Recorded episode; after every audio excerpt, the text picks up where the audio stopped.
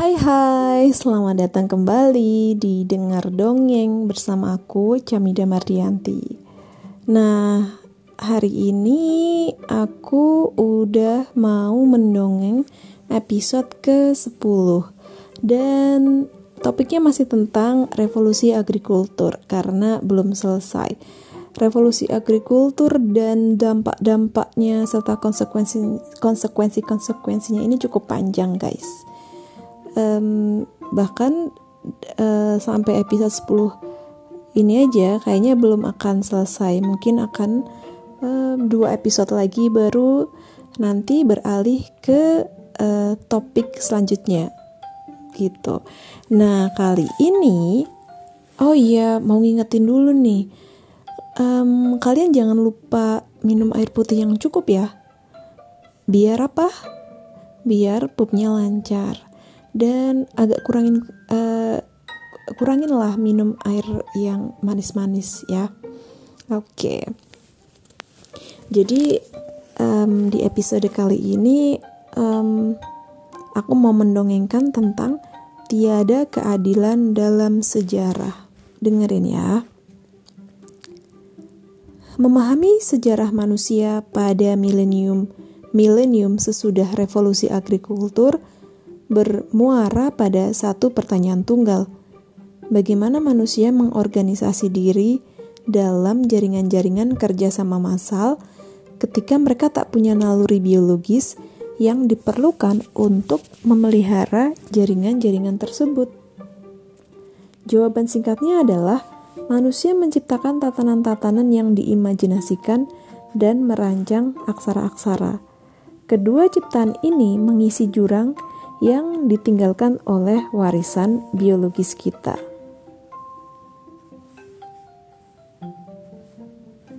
Meskipun demikian, kemunculan jaringan-jaringan ini bagi banyak orang adalah sebuah berkah yang meragukan.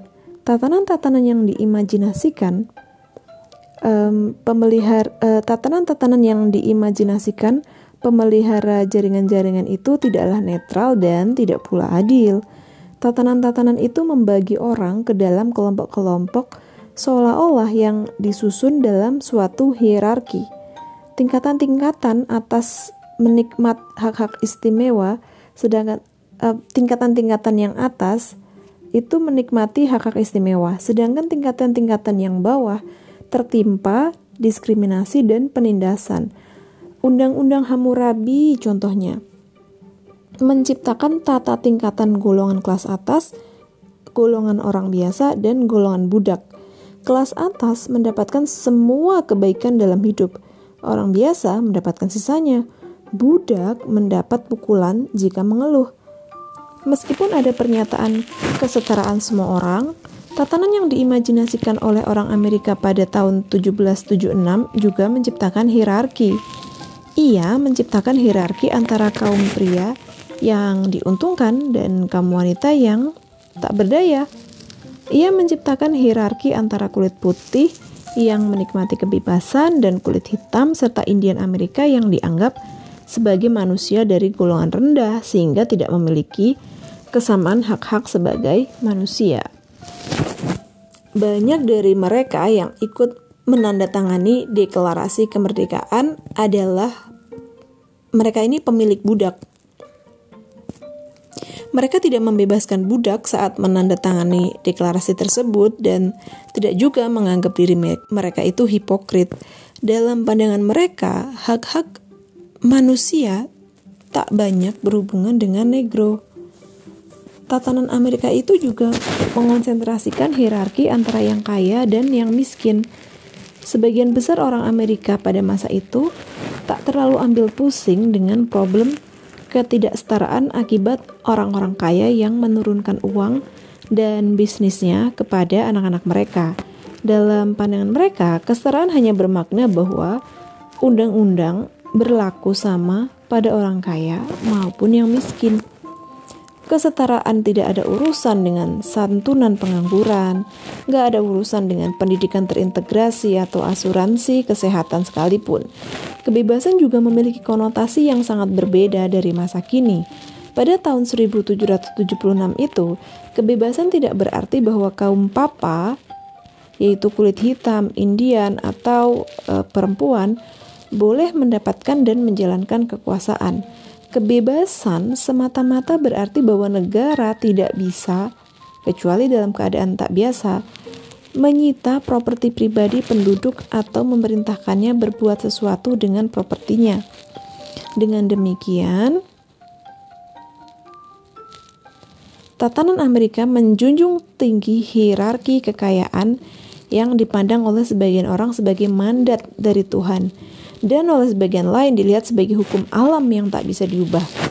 Alam dipandang telah menganugerahkan keberuntungan, kekayaan, dan menghukum kemalasan. Perbedaan-perbedaan yang disebutkan di atas antara orang bebas dengan budak, antara kulit putih dan kulit hitam, antara yang kaya dan yang miskin, berakar dalam fiksi-fiksi. Hierarki laki-laki dan perempuan uh, akan dibahas di um, kemudian ya. Nah, meskipun demikian, sejarah punya hukum besi bahwa setiap tatanan yang diimajinasikan mengingkari asal-usul fiksinya dan mengklaim sebagai alamiah dan tak terelakkan. Misalnya nih, banyak orang dengan pandangan hierarki, orang bebas dan budak sebagai alamiah, dan benar berpendirian bahwa perbudakan bukanlah ciptaan manusia. Uh, maksudnya gini, um, misalnya uh, ada banyak sekali orang-orang yang punya pandangan um, hierarki orang bebas dan budak itu memang ada secara alamiah dan e, menurut mereka perbudakan itu bukan ciptaan manusia. Nah, Hammurabi memandangnya sebagai e, pentahbisan oleh para dewa. Sedangkan Aristoteles memandang bahwa para budak itu memang memiliki sifat budak, sedangkan orang bebas itu memiliki sifat bebas dalam dirinya. Status mereka dalam masyarakat itu semata-mata adalah cerminan dari sifat dalam diri mereka. Tanyalah kaum beraliran supremasi kulit putih tentang hierarki ras, maka Anda akan segera mendapatkan kuliah pseudo-scientific berkaitan dengan perbedaan-perbedaan biologis antar ras. Kemungkinan Anda akan diberitahu bahwa ada sesuatu dalam darah atau gen Kaukasia yang membuat kulit putih secara alamiah lebih pintar, secara alamiah lebih bermoral dan lebih kerja keras. Tanyalah para Tanyalah kepada para pembela sengit kapitalis tentang hierarki kekayaan, dan Anda kemungkinan akan mendengar bahwa hierarki itu merupakan hasil tak terelakkan dari perbedaan-perbedaan objektif dalam hal kemampuan. Orang kaya memiliki uang lebih banyak. Menurut pandangan ini, karena mereka lebih mampu dan lebih rajin Tak semestinya orang mempermasalahkan jika orang kaya mendapatkan perawatan kesehatan yang lebih baik, pendidikan yang lebih baik, dan gizi yang lebih baik. Orang kaya sungguh pantas menerima setiap ke kegembiraan yang mereka nikmati. Nah, orang-orang Hindu yang patuh pada sistem kasta percaya bahwa kekuatan kosmos telah membuat satu kasta lebih tinggi dari kasta lain. Menurut sebuah mitos terkenal yang diciptakan orang Hindu, Para dewa mendandani dunia dengan tubuh satu makhluk purba, namanya Purusa. Matahari diciptakan dari mata Purusa, bukan dari otak Purusa. Kaum Brahmana diciptakan dari mulut Purusa, sedangkan kaum kesatria diciptakan dari tangan Purusa. Waisya, yaitu petani dan pedagang, diciptakan dari paha si purusa dan um, kelas sudra atau pelayan diciptakan dari kaki purusa. Menerima penjelasan ini dan perbedaan-perbedaan sosiopolitik antara kaum Brahmana dan Sudra adalah sama alamiah dan sama abadinya dengan perbedaan antara matahari dan bulan. Orang Cina kuno percaya bahwa ketika Dewi Nu Dewi Nuwa menciptakan manusia dari tanah, dia memeras dari tanah kuning yang bagus untuk kaum aristokrat, sedangkan orang biasa dibuat dari lumpur coklat. Meskipun demikian, sebagai pemahaman yang terbaik bagi kita, hierarki-hierarki ini adalah produk dari imajinasi manusia. kaum Brahmana dan kaum Sudra tidak benar-benar diciptakan oleh para dewa dari berbagai bagian tubuh makhluk purba. Namun, pembedaan antara kedua kasta itu diciptakan oleh hukum dan norma-norma yang diciptakan manusia di India Utara sekitar 3000 tahun lalu. Bertentangan dengan pandangan Aristoteles, tidak ada yang namanya perbedaan biologis antara budak dan orang merdeka. Hukum dan norma manusia mengubah sebagian orang menjadi budak dan sebagian lain menjadi tuan. Antara kulit hitam dan kulit putih Memang ada perbedaan objektif biologis seperti warna kulit dan jenis rambut, tetapi tidak ada bukti objektif bahwa perbedaan itu meluas ke masalah intelijensia dan moralitas. Sebagian besar orang mengklaim bahwa hierarki sosial mereka adalah alamiah, sedangkan di masyarakat lain didasarkan pada kriteria-kriteria palsu yang menggelikan. Orang-orang barat modern diajari untuk mencela pemikiran tentang hierarki rasial. Mereka terguncang oleh hukum yang melarang kulit hitam hidup dalam perkampungan kulit putih. Belajar dari belajar di sekolah-sekolah kulit putih atau dirawat di rumah sakit kulit putih. Namun hierarki kaya dan miskin, mandat yang membuat orang kaya hidup di perkampungan terpisah dan lebih mewah belajar terpisah di sekolah-sekolah yang lebih prestisius dan menerima perawatan medis terpisah di fasilitas-fasilitas kesehatan dengan perlengkapan lebih baik tampak sangat masuk akal bagi banyak orang Amerika dan Eropa. Meskipun demikian, sudah terbukti bahwa kebanyakan orang kaya adalah karena sebab yang sederhana, bahwa mereka dilahirkan dalam keluarga kaya. Sedangkan orang miskin tetap miskin sepanjang hidup karena dilahirkan dalam keluarga miskin. Sayang sekali, masyarakat-masyarakat manusia yang kompleks tampak membutuhkan hierarki yang diimajinasikan dan diskriminasi yang tidak adil. Tentu saja tak semua hierarki identik secara moral, dan sebagian masyarakat menderita dari jenis diskriminasi yang lebih ekstrim ketimbang yang lain. Namun, para ahli tahu tentang tiadanya masyarakat besar yang mampu menghilangkan diskriminasi sekaligus dari waktu ke waktu orang menciptakan tatanan dalam masyarakat mereka dengan mengklasifikasi populasi menjadi kategori-kategori yang diimajinasikan, seperti kelas atas, kelas orang biasa, dan kelas budak, kulit putih dan kulit hitam, bangsawan dan masyarakat biasa, brahmana dan sudra atau kaya dan miskin. Kategori-kategori ini meregulasi hubungan-hubungan antara jutaan manusia dengan membuat sebagian orang lebih tinggi secara hukum, politik maupun sosial atas sebagian lainnya. Hierarki memiliki satu fungsi penting. Hierarki memungkinkan orang-orang yang benar-benar tidak saling mengenal tahu caranya memperlakukan sesama tanpa membuang-buang waktu dan energi yang dibutuhkan untuk kenal secara pribadi.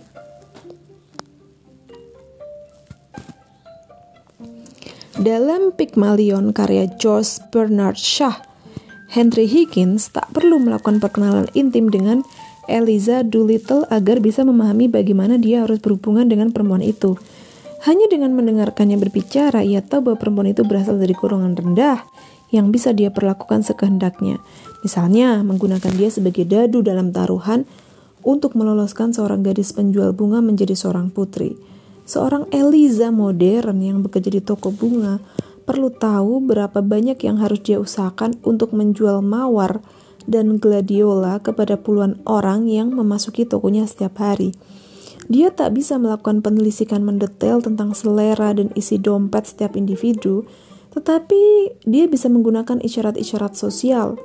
Misalnya cara orang berpakaian, usianya, um, warna kulitnya untuk membedakan mana partner perusahaan akuntansi yang suka pesan banyak mawar berang, bertangkai panjang yang mahal untuk dikirim ke mamanya yang berulang tahun, mana kurir yang hanya mampu beli seikat aster untuk sekretaris yang uh, manis senyumnya misalnya.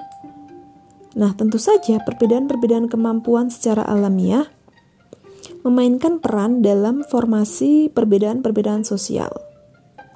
Namun, perbedaan sikap dan karakter seperti itu biasanya dimediasi oleh hierarki yang diimajinasikan.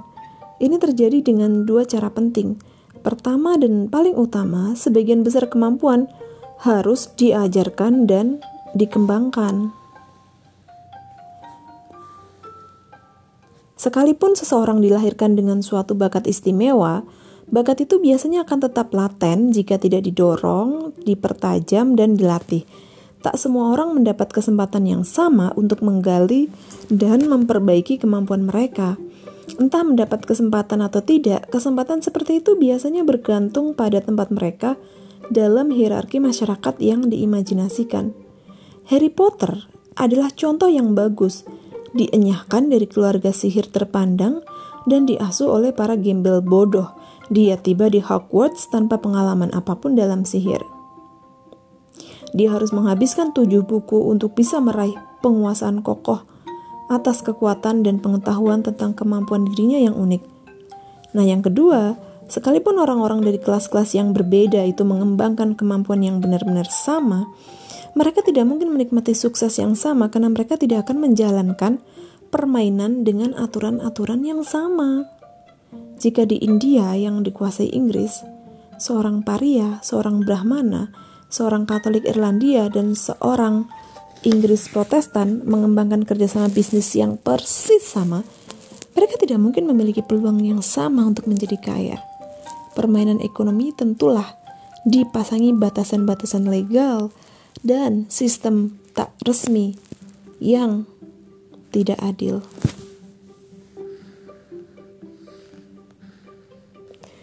Kita masuk ke bagian lingkaran setan.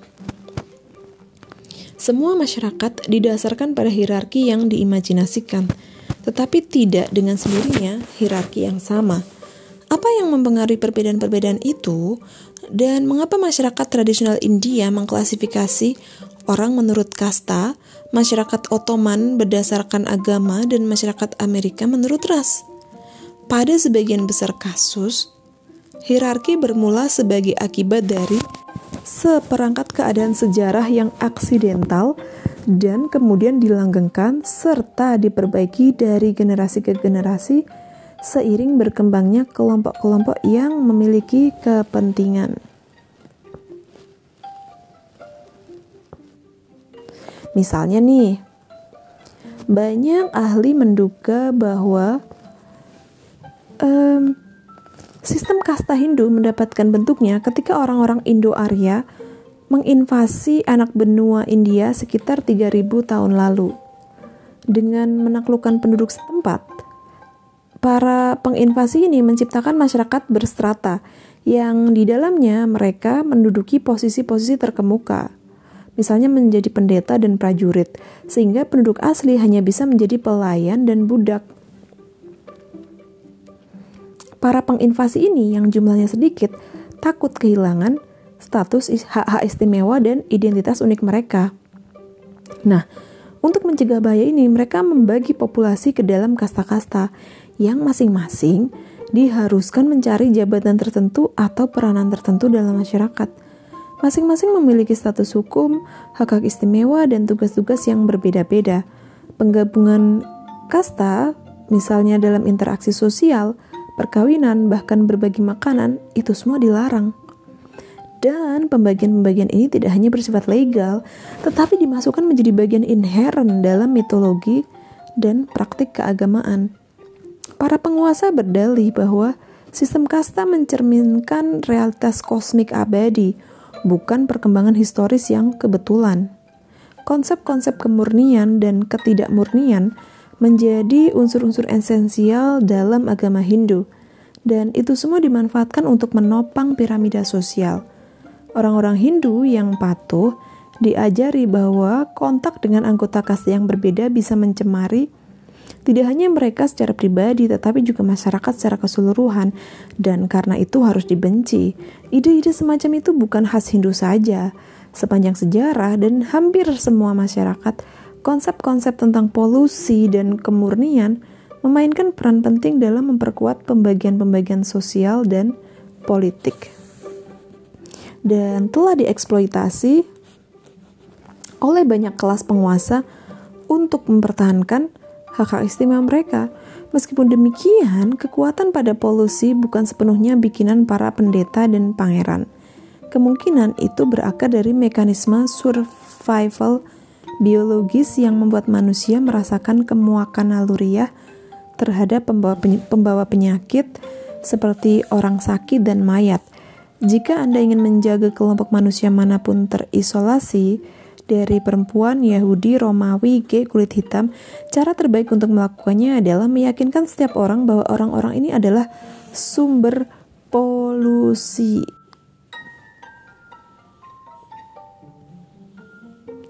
Nah, sistem kasta Hindu dan hukum-hukum kemurnian yang menyertainya menjadi semakin dalam tertempel dalam budaya India. Jauh sesudah invasi Indo-Arya terlupakan, orang-orang India terus meyakini sistem kasta yang sama dan membenci polusi yang disebabkan oleh penggabungan kasta. Kasta-kasta dibagi menjadi sub-sub kasta. Pada akhirnya, empat kasta asal berubah menjadi 3000 kelompok berbeda yang disebut jati, yang secara harfiah berarti kelahiran. Namun, proliferasi kasta ini tidak mengubah prinsip dasar dari sistem itu yang menetapkan setiap orang lahir dalam derajat tertentu dan setiap pelanggaran terhadap prinsip itu mencemari orang tersebut dan masyarakat secara keseluruhan.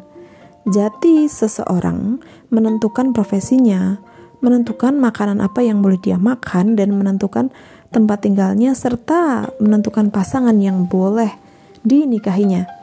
Biasanya seseorang bisa menikah hanya dalam kastanya dan menghasilkan anak-anak yang akan mewarisi status itu. Setiap kali ada satu profesi baru berkembang atau satu kelompok orang baru muncul, maka profesi atau kelompok itu harus diakui sebagai sebuah kasta agar bisa menerima tempat yang sah dalam masyarakat Hindu. Kelompok-kelompok yang tidak mau mendapatkan pengakuan sebagai sebuah kasta secara harfiah adalah kelompok buangan. Dalam masyarakat berstrata ini, mereka bahkan tidak menduduki jenjang terendah sekalipun. Mereka dikenal sebagai paria. Paria ini harus hidup terpisah dari semua orang dan mengais-ngais kehidupan dengan cara yang hina dan menjijikkan, seperti mengorek-ngorek sampah untuk mencari barang rongsokan. Bahkan para anggota kasta terendah menghindari berbaur dengan mereka makan bersama mereka, menyentuh mereka, dan sudah barang tentu tidak mau menikahi mereka. Dalam India modern, masalah pernikahan dan pekerjaan masih sangat dipengaruhi oleh sistem kasta. Sekalipun ada upaya-upaya oleh pemerintahan demokratis India untuk meruntuhkan pembedaan-pembedaan semacam itu dan meyakinkan umat Hindu bahwa tidak ada pencemaran dari percampuran kasta.